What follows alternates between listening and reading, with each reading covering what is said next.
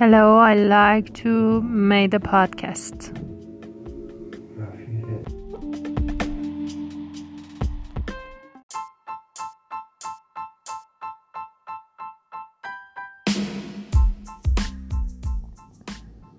سلام سلام.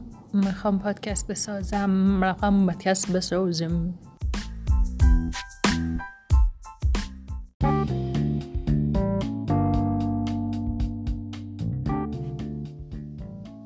سلام سلام احوال شما چطوره؟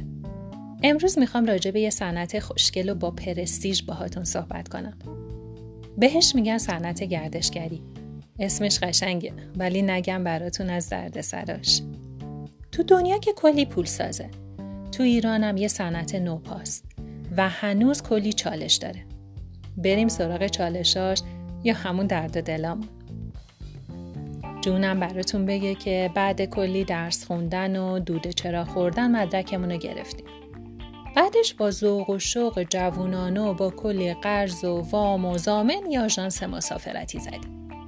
به امید اینکه چهار تا مسافر ورابی بیاریم و قشنگی کشورمون رو نشونشون بدیم. به این خیال که هم یه کاری واسه کشورمون کردیم و همین که یه نون و بوغلمونی برامون بمونه. اولاش خوب بود. منظورم اول اولاشه ها. اونجایی که داشتیم دفترمون رو میچیدیم همه چی گل و بلبل بود. بعد رفتیم تو دل کار. سراغ جذب توریست.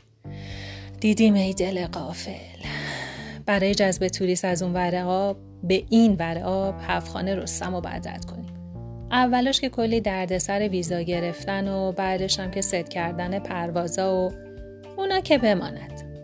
خلاصه بعد کلی دون پاشیدن و نشون دادن گوشه زلف یار راهی ایران می شدم. با هر روشی که بلد بودیم چند نفر این کاملی می کردیم. می وردیم ایران.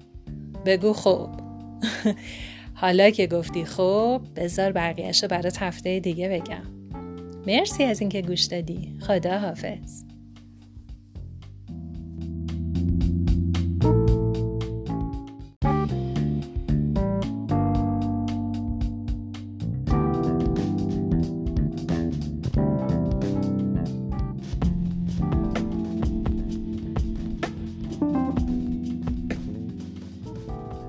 بریم سراغ ادامه چالش های گردشگری.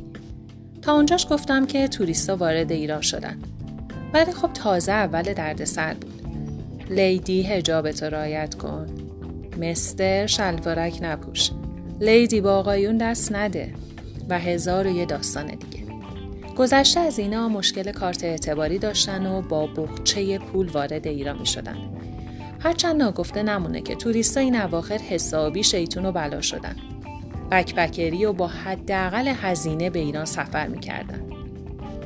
از رستوران رفتن نگم براتون که وقتی یه غذای بیخودی بهت می‌دادن نمی‌تونستی اعتراض کنی نمی‌تونستی غذا رو نخوری فقط باید تعریف می‌کردی تا آبروی هموطنت نره البته بگم و انقدر رسم و رسوم محلی کشورمون و اماکن تاریخی و فاخر و زیبا و دوست داشتنی هست که همشون محصور می شدن و کلمه واو از دهنشون نمی افتاد.